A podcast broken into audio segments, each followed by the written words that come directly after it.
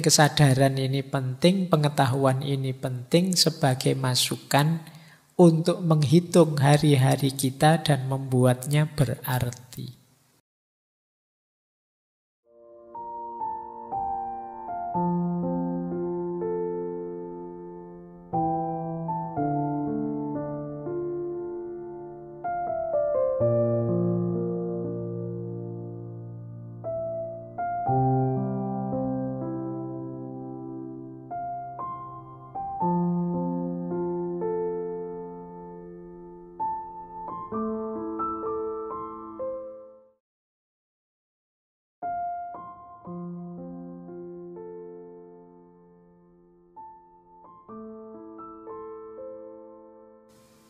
Baik.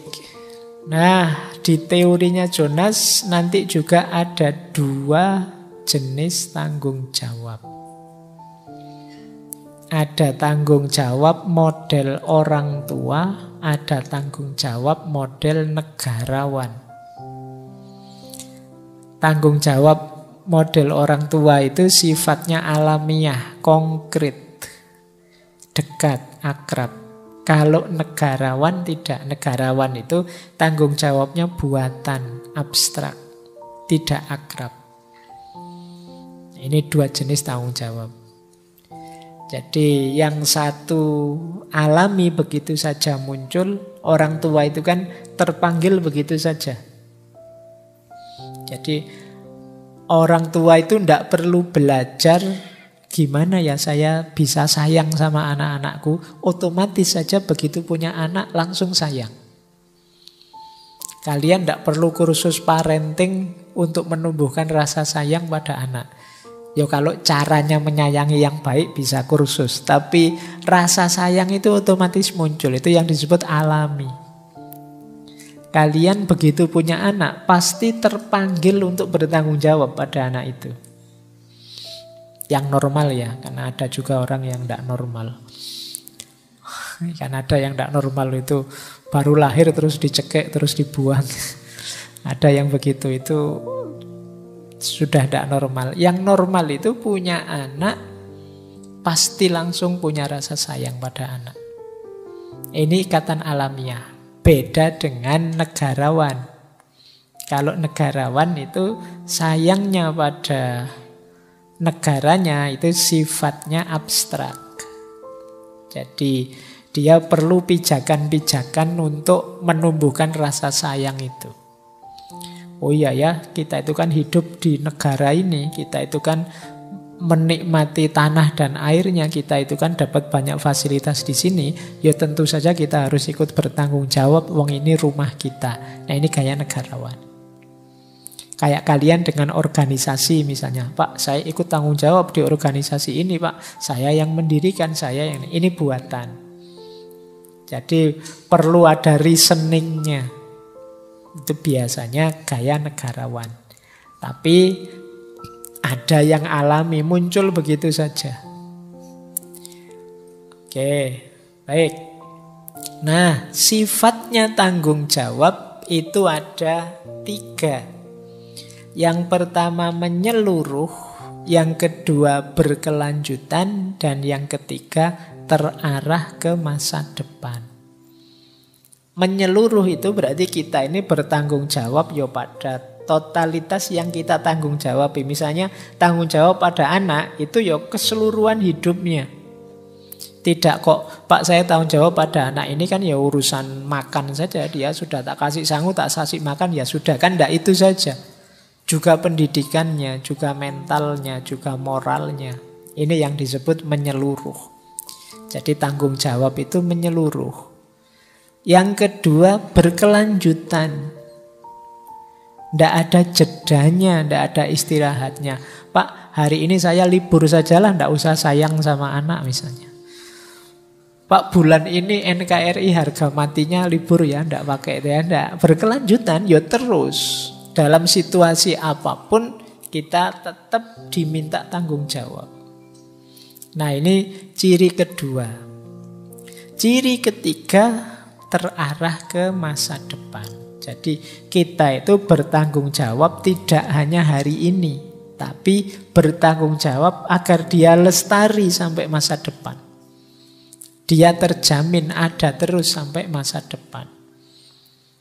Inilah tiga jenis sifat dan tanggung jawab dari etika masa depan.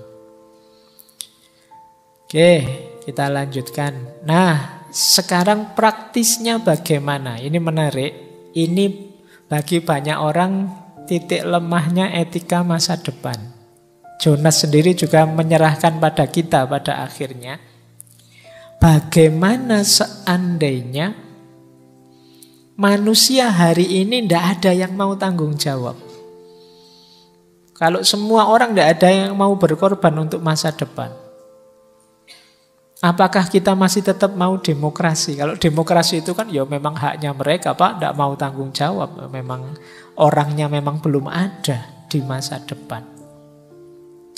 Nah, akhirnya kata Jonas apa? Kalau begitu mungkin perlu satu benevolent dictatorship. Benevolent dictatorship itu diktator yang baik hati tapi Diktator yang baik, diktator itu kan memaksa, tapi ini baik dia. Dipaksa ke arah kebaikan. Jadi ada kata Jonas, kalau bisa di masyarakat, kalau sulit orangnya tidak sadar semua Pak, sekedar buang sampah sembarangan saja. Strategi apa pun tidak mempan Pak. Barang siapa buang sampah, denda 50 juta, ya tetap dibuang sampah sembarangan. Barang siapa buang sampah begini taruhannya nyawa saya baca di mana itu. Ya tetap buang sampah sembarangan. Sulit Pak ini menghadapinya. Ya sudah kata Jonas, kalau di masyarakat ada satu elit khusus yang tugasnya memaksa. Jadi memaksa orang dengan aspek kelestarian ini. Jadi Mungkin karena memaksa itu berarti ada hukumnya, tapi ada istilah diktatorshipnya. Diktatorship itu dia punya kuasa.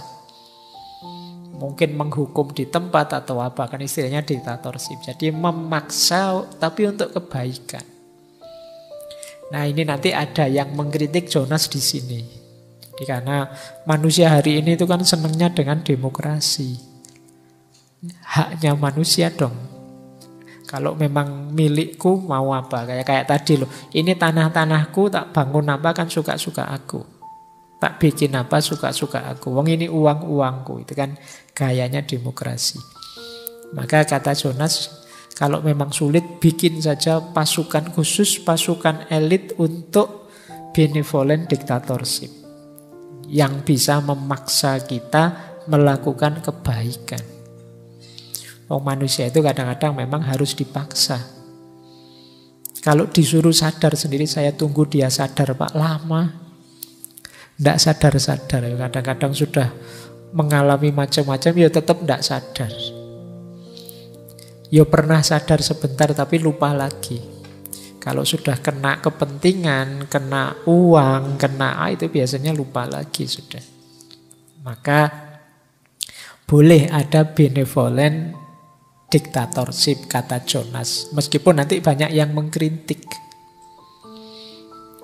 Dan Jonas sendiri bilang bagaimana mekanismenya, sejauh mana kekuasaannya, ya silahkan dirumuskan sendiri-sendiri. Saya tidak tahu, ya sesuai lokal tempatnya masing-masing. Tapi yang penting pesannya Jonas jelas bahwa ini penting loh.